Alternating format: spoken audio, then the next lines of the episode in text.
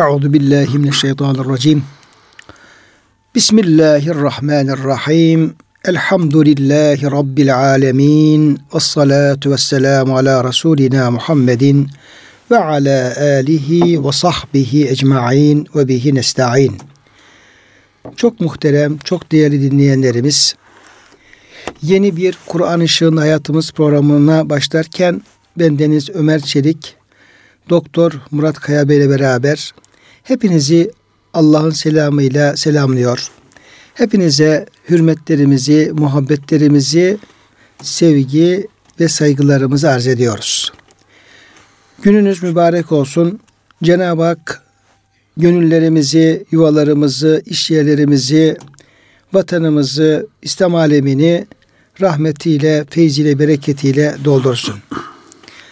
Kıymetli hocam siz de hoş geldiniz. Hoş bulduk hocam. Sizin de gününüz mübarek Allah olsun. razı olsun. Sağ olun hocam. Cenab-ı Hak hepimizi feyizli, bereketli hizmetlere, çalışmalara muvaffak kılsın inşallah. Kıymetli dinleyenlerimiz, bugün inşallah Rabbimizin lütfuyla e, iki e, arkadaş, e, iki hoca beraber inşallah dersimizi yapacağız. Zaman zaman birimizin bir manisi çıktığı zaman tek olarak bu programı sizlerle e, paylaşıyoruz, sizlere arz ediyoruz. Zarurete binaen. Ama umumiyetle e, hocamla beraber bu programı yapmaya gayret gösteriyoruz. Efendim bizler e, sizin vesilenizle aynı zamanda Yüce Rabbimizin e, ayetleriyle, kelamıyla daha yakından alakadar olma, onu daha yakından tanıma fırsatı bulmuş oluyoruz.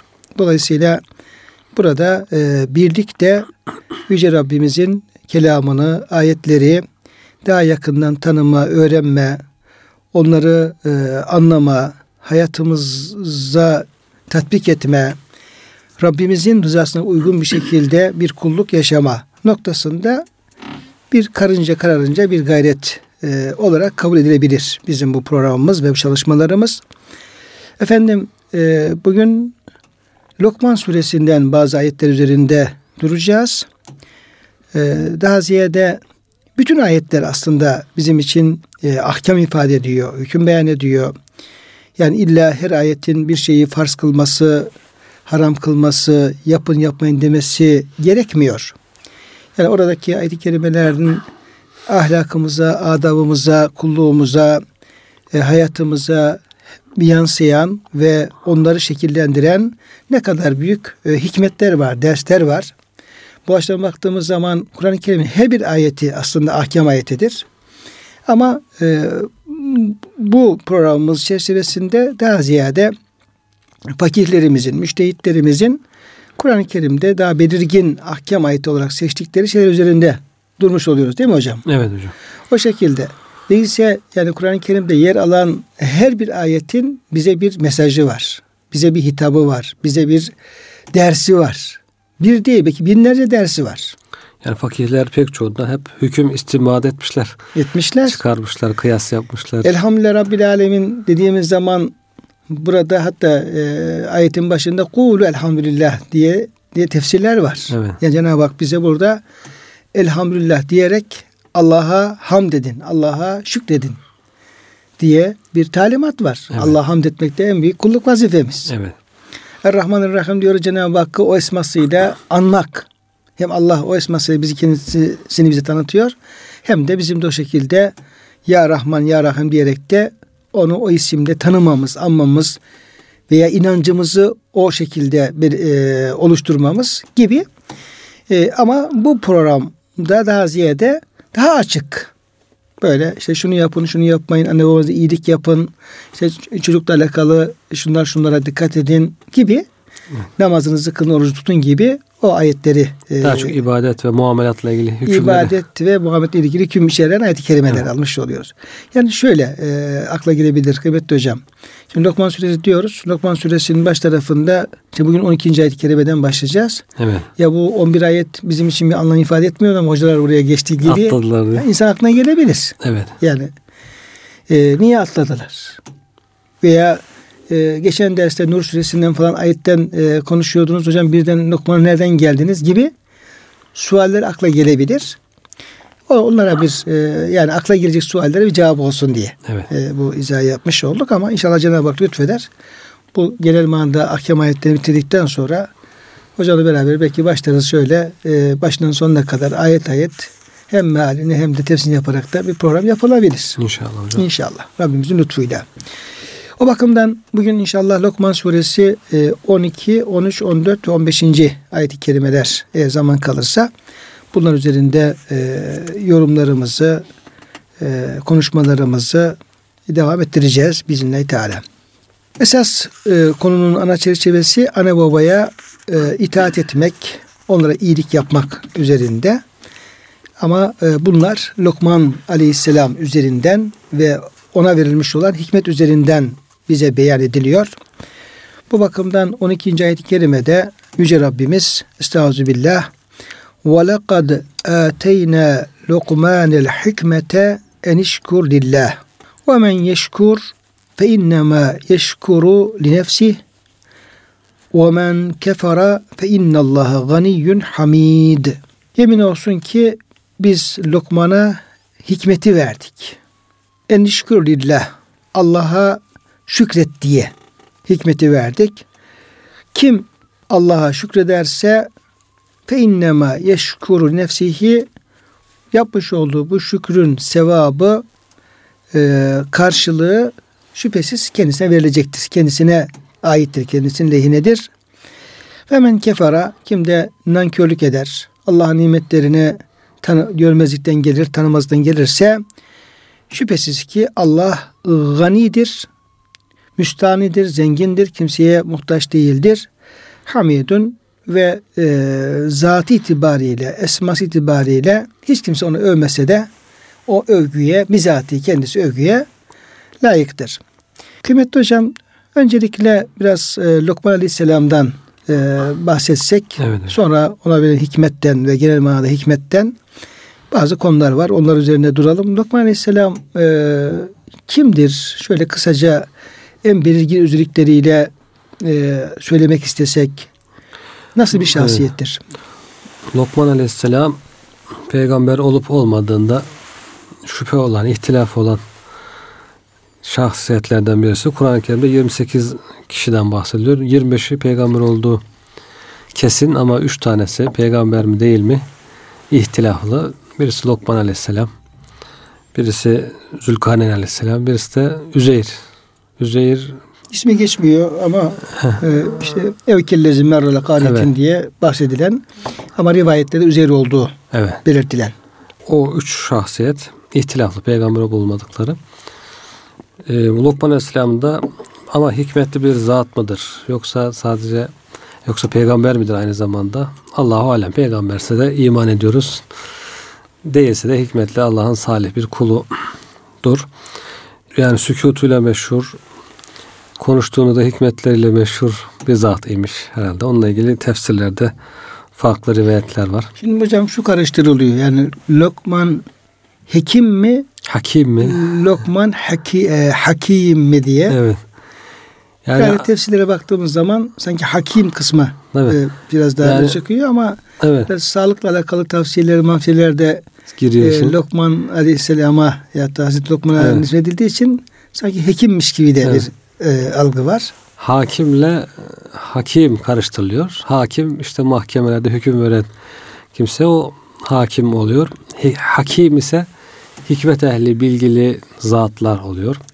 Bizdeki hekimse de doktor anlamında. E, bizdeki hekim sadece doktor anlamında ama eskiden bu hakim herhalde hocam hikmet ehli insanların tıp bilgisi de olduğu için tıptan bahsediyor, felsefeden bahsediyor. Yani hikmet bile felsefe anlamında kullanıldığından dolayı. matematikten bahsediliyor. Öyle olunca hakim doktorla işte ilim ehli insanlar için beraber kullanılırken işte Türkçe sadece doktorlar için hekim olarak kalmış herhalde. Ama sadece hekim denirse, Lokman hekim denirse mesela yanlış bir mana çıkabilir. Eksik mana çıkabilir yani Türkçe açısından. hocam Lokman el Hakim demek lazım. Evet, Lokman el Hakim, hikmet ehli, hikmeti bilen, tıbbı da bilen kendi dönemine göre, hikmetleri bilen, işte ilim ehli, aydın bir insan. Hatta sorular nasıl elde ettiğini bu hikmetleri falan işte sükut ederek diyor. Lüzumsuz şeyler konuşmam. Ondan sonra tefekkür çok yaparım diye bu şekilde e, şeyleri var. hikmetiyle ilgili. Tabi Cenab-ı Hak vermiş. Burada anlaşıldığında ayet-i kerimede hikmeti Allah Teala vermiş Lokman Hakim'e. Orada mı güzel tavsiyeleri var. Kur'an-ı Kerim'de bir kısmı var. Bir kısmı işte bazı hadis-i şeriflerde güzel tavsiyeleri bildiriliyor. Bir kısmı da artık halk arasında meşhur yayılmış. Yani hikmetle meşhur olduğu için artık bazı hikmetli sözler de herhalde Lokman Hakim'e izah etmişler. İşte Lokman Hakim şöyle demiş, böyle demiş diye. Yani şiirlerin Yunus Emre'ye, evet. fıkraların Nasrettin Hoca'ya izafe, gibi, edilmesi gibi. Bazı hikmetler de kendisine izafe edilmiş herhalde. Bu şekilde hikmetli sözleriyle meşhur olan bir zat. Kur'an-ı Kerim'de övülen güzel bir zat. Peygamberse iman ediyor. Değilse de Allah'ın e, ismini zikrettiği salih bir insan olarak evet, evet. sözlerinin hikmetini istifade etmiş oluyoruz. Şimdi burada Cenab-ı Hak e, Lokman'a el hikmete yani hikmeti verdik buyuruyor. E, biraz hikmet üzerine hocam konuşalım. Evet hocam hikmet da size ait ee, yani sizin çalışmalarınız Lokman, var. Lokman Hakim evet. Hikmetle ilgili çalışmalarınız, tefsirleriniz olduğu için hocam hikmeti bize geniş geniş e, siz izah edersiniz inşallah. Hocam tabii yani bu bizim program çerçevesinde bazı belki e, Kur'an-ı Kerim'in ele aldığı şöyle e, ana başlıklarıyla belki e, bahsetmekte fayda var.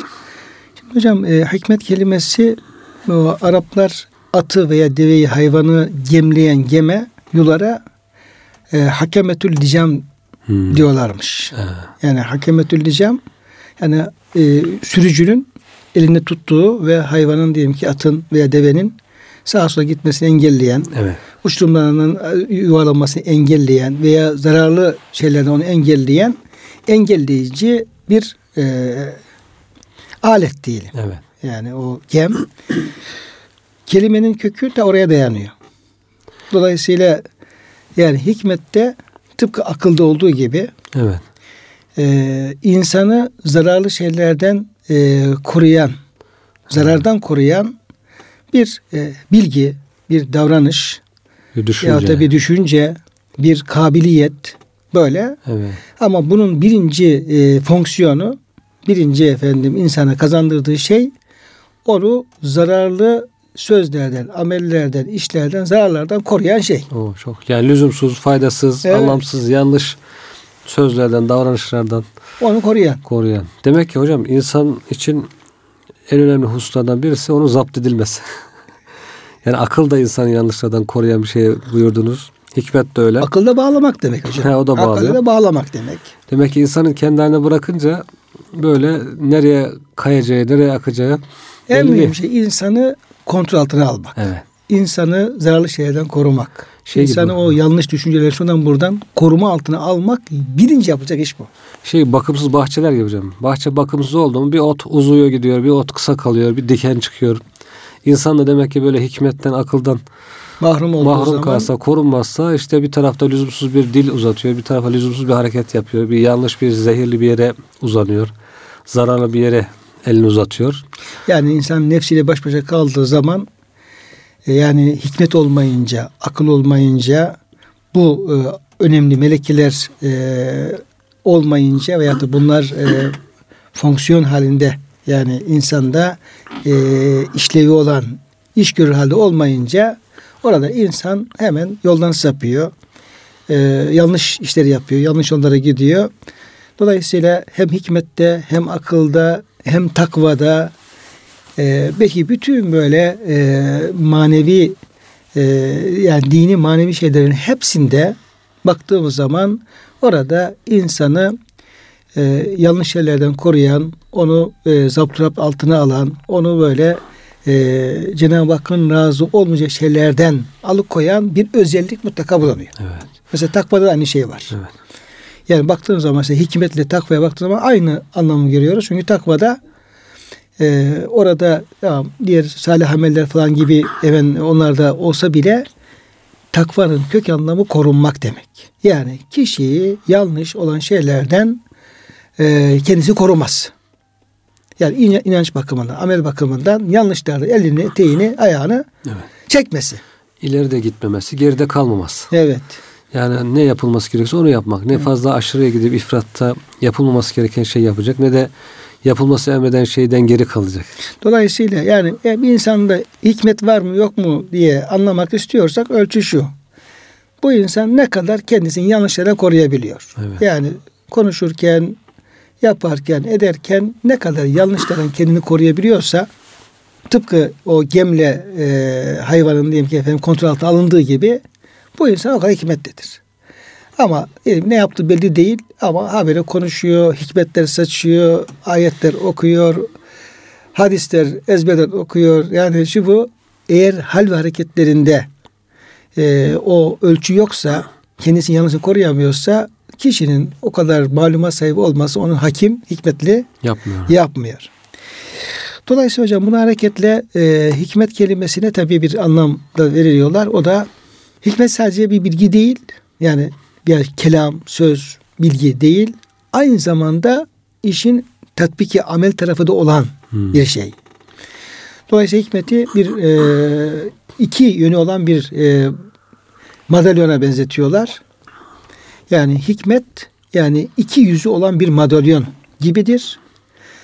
Madalyonun bir tarafında doğru bilgi yani hakikat bilgisi Allah'ın muradına uygun, vahye uygun, e, yaratılışa uygun hakikat bilgisi birisi bu. Maddelerin diğer tarafına baktığımız zaman da bu bilgiye uygun amel. Evet. Onun için mesela tabiri hikmeti el isabetu fil kavli vel amel. Kişinin hem sözünün doğru olması hem de yaptığının doğru olması. Doğruluk da nedir? Doğruluk da Allah'ın rızasına uygun olması. Evet. O da İslam'a uygun olması. Ona hep hemen çerçeveyi hocam şey Birbirine- yapıyorlar. Birbirine Yani bağlı. bağlıyorlar, çerçeve ortaya koyuyorlar. Doğru nedir? Allah'ın muradı. Allah'ın muradı nerededir? Allah'ın muradı İslam'dadır. Yani Kur'an-ı Kerim'dedir. Peygamber Efendimiz Aleyhisselam'ın e, sözlerindedir. Yani bunu İslam diye e, ifade edebiliriz. Dolayısıyla bir şeyin hikmetli olması, yani hikmet olması o şeyin hem bilgi olarak hem de amel olarak İslam'a uygun olması Evet. noktasına getiriyorlar. Bunu da en güzel başaran hem doğru bilgiyi elde etme hem de o bilgiye uygun davranma işini de en iyi peygamberler yaptıkları için de en hikmetli insanlar peygamberler olmuş oluyor. En hikmetli davranış da peygamberin yaptığı olmuş oluyor. Yani sünnet. Evet. Dolayısıyla yani İmam Şafii Hazretleri gibi diğer müfessirler gibi yani hem fakirler müfessirlerden Kur'an-ı Kerim'de anlatılan hikmet sünnettir. Yani sünnettir. O da peygamberin vahye uygun yani Allah'ın muradına uygun olarak ortaya koymuş olduğu hal ve hareketleri, Hareketler. davranışlarıdır diye işi bu şekilde formüle ediyorlar. Ve e, diyorlar ki bir insanın hikmetli olması için Allah'ın dinini bilmesi, Allah'ın peygamberini tanıması ve sözünün, hareketinin o peygamberin sözünün hareketine uygun olması gerekir diyorlar hocam. Evet. Bu şekilde efendim işi formüle edip karşımıza net bir tablo koymuş oluyorlar. Şey de söylüyorlar hocam. Peygamber Efendimiz'i çok seven, çok salavat getiren insanlarda da böyle hikmetli sözler zuhur eder.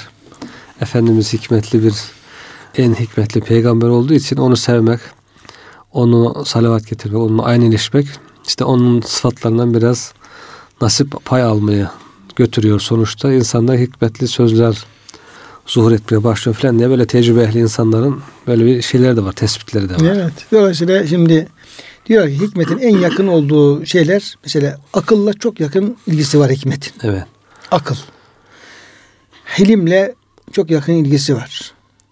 Cömertlikle çok yakın ilgisi var. Adaletle çok yakın ilgisi var. Yani çünkü akıllı olmayan bir insanda hikmet bulunmaz. Evet. Cömert olmayan bir insanda efendim bulunmaz. Çünkü peygamber en cömert insanlar Allah. Evet. Hilmi olmayan insana hikmet bulunmaz. Çünkü hilim Cenab-ı Hakk'ın halim sıfatı var. Yani ve çok e, memduh bir vasıf. Kişinin diyelim ki işte böyle sabırlı olması, akıllı olması, falan böyle adaletle alakası var. Adil olmayan bir insanın hikmet hakim olması mümkün değil. Yani mesela hem adaletsiz olacaksın hem de hikmetli olacaksın. O mümkün değil. Dolayısıyla yani ne kadar ahlaki bir e, güzellik varsa, ahlak hamide varsa onların hepsinin içerisinde merkezinde hikmet bulunuyor. Diye efendim o şekilde hocam bir bağlantı kuruyorlar. Çünkü hikmet aslında her sözün ve her amelin en güzelini ortaya koymak. Bu açıdan bakıldığı zaman da e, Kur'an-ı Kerim gelen bütün vahiylere yani her bir peygambere verilen, indirilen ilahi kitapları vahiy ve hikmet diyor Kur'an-ı Kerim. Çünkü onun daha doğru doğru söz olmaz. Allah'ın indirdiği ayetten, kitaptan daha e, doğru hangi söz olacak? Evet. Hemen astaku minallah. Minallah gayri hadise. Evet. Ee, işte Kur'an-ı Kerim İsra suresinde e, baştan başlıyor. Özellikle de bu Miraç'ta indiğini e, rivayet edilen ve kadar rabbuke işte anne Allah kulluk yapın, anne babaya iyilik yapın Yaşlılık zaman daha fazla iyilik yapın. Akraba iyilik yapın. Şu şunları yapmayın. Çocuklarınızı öldürmeyin. Yetim yaklaşmayın.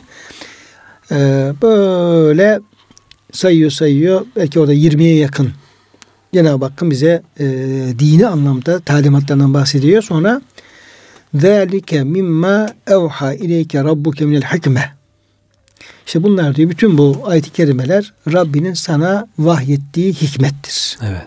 Hepsi hikmettir. Yani ya hikmetlerdendir. O zaman bütün Kur'an hikmet. Bu ayetler ondan bir parça veyahut da mini işte beyani yaparsak bunların hepsi masa hikmettir. Hikmet, gibi evet. böyle. Şimdi tabi e, Kur'an-ı Kerim'de şunu da e, şey yapalım. Cenab-ı Hak e, peygamberlere kitapla veren hikmetin verdiğinden bahsediyor. Mesela Resulullah Aleyhisselam'a e, üç ayeti kerimede biz sana diyor e, kitabı indirdik bir de hikmeti indirdik. Sonra Peygamberimiz Aleyhisselam'ın öğrettiklerine baktığım zaman ve yuallimuhul kitabe vel hikmete. Evet. Onlara efendim kitabı ve hikmeti öğretti buyuruyor. Bütün peygamber hikmet var. Yani hikmeti olmayan peygamber yok. Yok. Hepsine hepsine bir efendim e, hikmet var. Ve e, Kur'an-ı Kerim'de hikmet kelimesi 27'de geçiyor. Bunu 10 tanesi kitapla beraber geçiyor. Hmm. Kitap. Yani peygamberimizle ilgili geçiyor. İbrahim Aleyhisselam'la ilgili geçiyor. İsa Aleyhisselam'la ilgili geçiyor. Kitabı ve hikmeti beraber zikrediyor. Dolayısıyla bu kitap hikmet arasında da şöyle bir e, irtibat e, kurulabilir. E, işte sünnet aslında buraya devreye giriyor. Yani hikmet indirilen kitabın anlaşılması ve tatbik edilmesi. Evet. Yani Cenab-ı Hak bu bilgiyi ya da bu kabiliyeti, bu anlayışı peygamberin ilave olarak kitaplara veriyor. Evet. Yani sadece vahiy göndermiyor. Gönderdiği vahiy hikmet olmakla beraber bu vahyin ne demek muradı anlayıp da onun e, istenilen şekilde uygulanması kabiliyeti, istidadı, bilgisi de efendim ayeten verilmiş oluyor. Evet. O şeye, e, o peygambere. E, dolayısıyla peygamberlerin bütün kıssaları, peygamberlerin bütün hayatları, bütün sözleri e, bize sahih olarak zaten Kur'an-ı Kerim naklettikleri zaten kesinlik, katlilik evet. var orada. Orada bir problem yok. Yani Kur'an-ı Kerim haricinde de bize ulaşan peygamber sözleri eğer sahih bir şey ulaşmışsa onların hepsi de e, hikmet. hikmet, yaptıkları da hikmet. Bunların hepsine dört elle sarılmak, sarılmak gerekiyor. Evet. Böyle daha fazla şey hocam söylenebilir ama evet. burada efendim e, Lokman Aleyhisselam'a verilen el hikmet e, vesilesiyle bunlara e, evet. değinmiş olduk. Yani bugün hani insanlara pohpohluyorlar devamlı hocam. Sınırsız özgürlük, sınırsız hürriyet herkes özgürdür, hürdür falan diye ama baktığımızda akıllı insanlar hep Hocam hiç hikmete uygun değil. Bağlanıyorlar biraz. Yani sınırsız hocam sınırsızlık hikmete uygun değil hocam. Evet yani insanın sağının solunun bazı kayıtları olması lazım. Aynen böyle. Yani fiiller, davranışlarında bazı kayıtlar olması lazım. Konuşmalarında bazı kayıtlar. Ya ben özgürüm, hürüm. İstediğimi yaparım. Ya hayvanlarda böyle yok o özgürlük. Onların bile fıtratlarına bazı şeyler koymuş Cenab-ı Hak. Kayıtlılar. Onu yapıyor. Onun dışında bir iş yapmıyor yani öyle her istediğimi yaparım, her aklıma eseni yaparım gibi bir özgürlük. Hocam hayvanlarda bir özgürlük olsa yok yani. Hayatı yaşamaz Yaşamaz hala yani. Yaşa, yaşayamaz. Tabii. Yani onlarda o itaat olmasa, boyun bükme olmasa Cenab-ı Hakk'ın tezlil yani evet. zelleline, zelleline diyor ya hocam. Evet evet. Ee, ve zelleline ha onları size efendim boyun eğdirdik olmasa ne e, sığırı kesebiliriz, ne koyunu kurban edebiliriz, ne o boğalara söz dinletebiliriz, ne deveye binebiliriz, ne e, o şahlanan atlar bizi alır götürür atarlar şeyden evet. aşağı. O dağlara Aşağıda, gezen güçlü hayvanlar, güçlü hayvanlar baskın yapsalar. Baskın yapsa toplanıp karar verip mesela baskın yapsalar bayağı problem çıkarlar yani. Evet. Belki kendimizi korumaya çalışırız ama evet. yani e, dünya acayip derecede bir e, terörün kurbanı olur yani böyle. Evet. Vahşi hayvanların Terörü dünyayı alt üst eder. Evet. Ama E, onların hepsinde yılanın diyelim kendine göre kanunu kuralı var. Çiyanın öyle kanunu kuralı var. evet. Dolayısıyla bu ölçüsüzlük aslında e, hiçbir varlıkta yok. Yok evet. Şöyle söyleyelim. Cenab-ı Hak yarattığı her varlığa aslında o varlığın e, özüne onunla ilgili o sınırlayıcı şeyi koymuş. Evet. Yani diyelim ki o birbiriyle beraber yaşamalarında şurada burada kuşunda e, karıncasında sineğinde bu ölçüsüzlük e, insan kendisine böyle bir ölçüsüzlük e, takdir etmiş ve öyle bir şey istiyor. Evet. Normalde yok ama öyle vehem ediyor. Evet istiyor. Halbuki Elmalı'nın testlerinde geçen okudum hocam. E, hürriyeti tarif ediyor. Hürriyet nedir diyor? İnsanın hukukuna malik olmasıdır diyor. Haklarına malik olma, sahip olmasıdır. Özgürlük budur diyor. İnsana hakları kim verir? Her şey benim hakkım diyemezsin. İnsanın haklarını da Allah Teala belirler diyor. Senin şunlar hakkındır, şunlar değildir. Şu şekilde mal kazanabilirsin, şu şekilde kazanamazsın. Hakkın olan şudur alabilirsin. şu senin hakkın değildir, bunu alamazsın. Belirlenmiş insanın hakları. Bu haklarını elde etmesi, alması hürriyettir diyor. Öyle bir şey ipini koparmak Çok güzel bir tarif şeklinde hocam. Yani değil. yani o, zaman önce insan e, haklarını bilmesi lazım. Yani Evet. kendi hangi hakları var Evet. onu bilmesi lazım. Hakkı. Başkalarının hukukunu bilmesi lazım. Çünkü eğer başkalarının hukukunu bilmezse Evet. Kendi hakkımı alacağım derken başkalarının hukukunu çiğneyebilir. Tabii. Yani hem kendi hukukunu bilecek Evet. hem başkalarının hukukunu bilecek. Kendi haklarını almak e, isterken de başkasının hakkına da girmeyecek. Girmeyecek, Girmeyecek o şekilde. Demek ki İslam'a göre hürriyet her hak sahibine hakkının verilmesi. Vermektir. Adalet demek hocam. Tabii tabii. Odur yani. Evet. Yani yani İslam'ın hürriyet anlayışı adalet demek. Hak ve adalet demek herkesin e, yani hakkına saygılı olma ama bu arada kendi hakkını da Tabii. e, koruma, elde etmeye çalışma anlamında. Yani bir insan dese ki ya ben hürüm, paramı istediğim yere yatırırım. Faizi bankaya yatırırım. Oradan faiz alırım. Hürriyetimdir benim dese bu hürriyet olmuyor. Çünkü Allah Teala o senin hakkındır demiyor yani. O faiz diyor haramdır. O sana hak değildir. Hakkın olmayan bir şeyi alıyorsun. Yani ben hürriyetim var dediğin zaman bir e, tenakuza düşmüş oluyorsun. Hürriyet e, kullanmıyorsun da haksızlık yapmış oluyorsun. Hocam işte o hürriyetle e, Cenab-ı Hak Kur'an-ı Kerim'deki e, hudut, had, hudud, hududullah şeylerini beraber değerlendirmemiz Evet. lazım. Tilke hududullah. Şimdi Cenab-ı Hak mesela tilke hududullahi fela Takrabuha. bir de fela Ta'teduha, evet. var. Şimdi öncelikle Cenab-ı Hak hudutları çiziyor. Bir defa hudutsuzluk diye bir şey yok. Yani herkesin bir haddi hududu var. Evet. Cenab-ı Hakk'ın çizmiş olduğu. Haddini bil diyorlar hocam. Evet. Haddini Var. bilmek o sınırı bilmek demek. İkincisi olarak e, Cenab-ı Hakk'ın talimatı ne? O, o şeylere yaklaşmayın.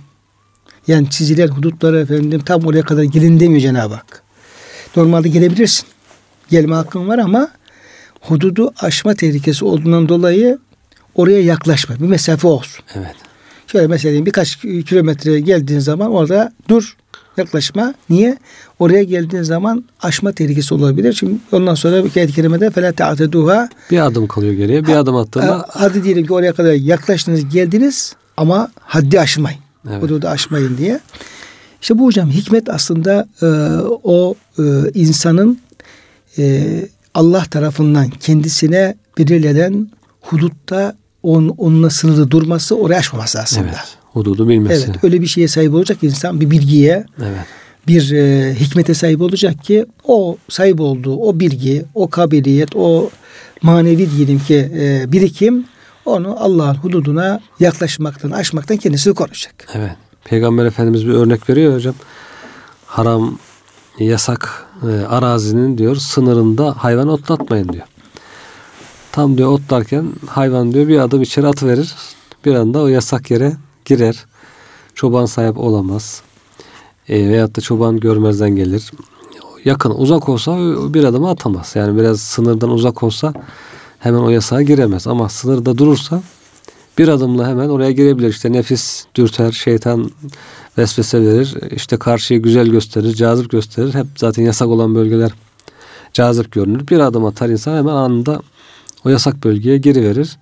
Onun için yakınlarında durmamak lazım. Ayet-i kerimeler hep öyle takrabu buyruğuna göre yaklaşmamak lazım. Yaklaşırsa hikmete aşı verir yani. Hikmetsizlik yapmış olur.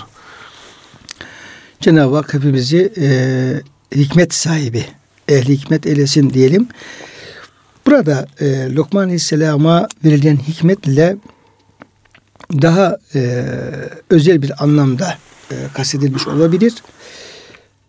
Kıymetli hocam çünkü müfessirler bu enişkür lillahdaki eni eni e, tefsiri olarak evet. beyan ediyorlar. Diyorlar ki bu en e, hikmet kelimesini tefsir etmek üzere getirilen bir edattır. Evet.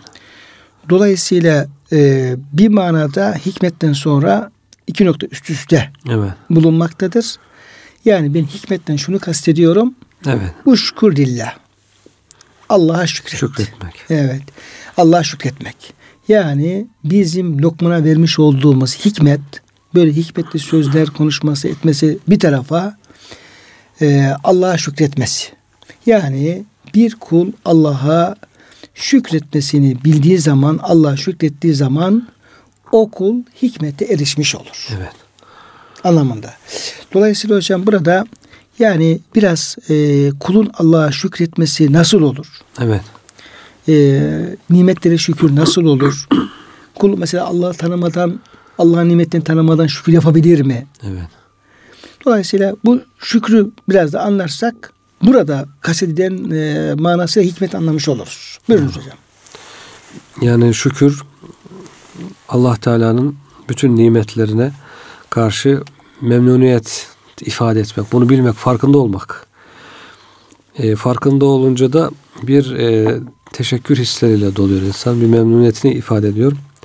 Baktığımızda her yerimiz iba, e, şeyle dolu, nimetle dolu. Hayatta olmamız, sıhhatimizin devam etmesi, bütün uzuvlarımızın çalışması, kalbimizin atması, bakıyorsunuz damarların açık olması, hepsi damarlarda kan akması, kan akması, dönmesi, donmaması. Bunların hepsi bir nimet. Nefes alıp vermesi insanın, duyması, işitmesi, her taraf nimet. Var olması.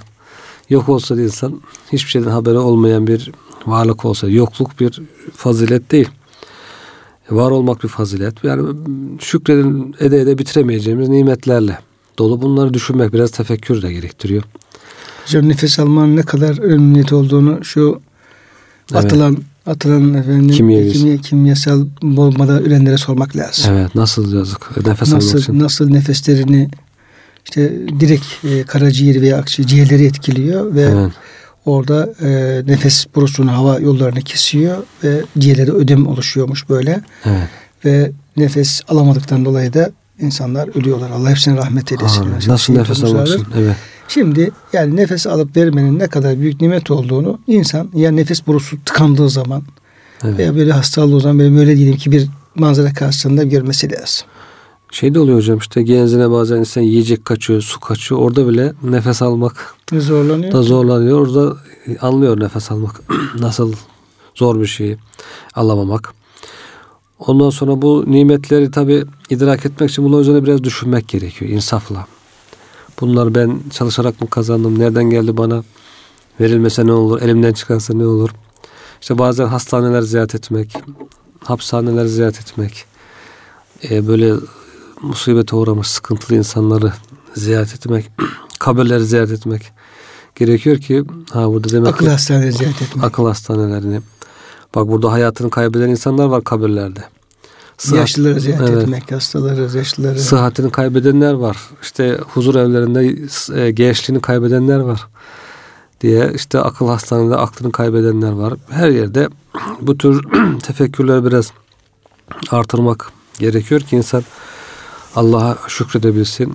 E, şükredince de zaten Cenab-ı Hak diyor ki devamında ve yeşkur fe inneme yeşkuru nefsihi. Şükretmeniz bana bir faydası yok. Kim şükrederse kendine şükretmiş olur. Kendisi artık hikmet ehli olur. Hududunu bilir, davranışını nasıl davranması gerektiğini bilir. Ne konuşması gerektiğini bilir. Öyle olunca kendi hayatı güzelleşiyor insan.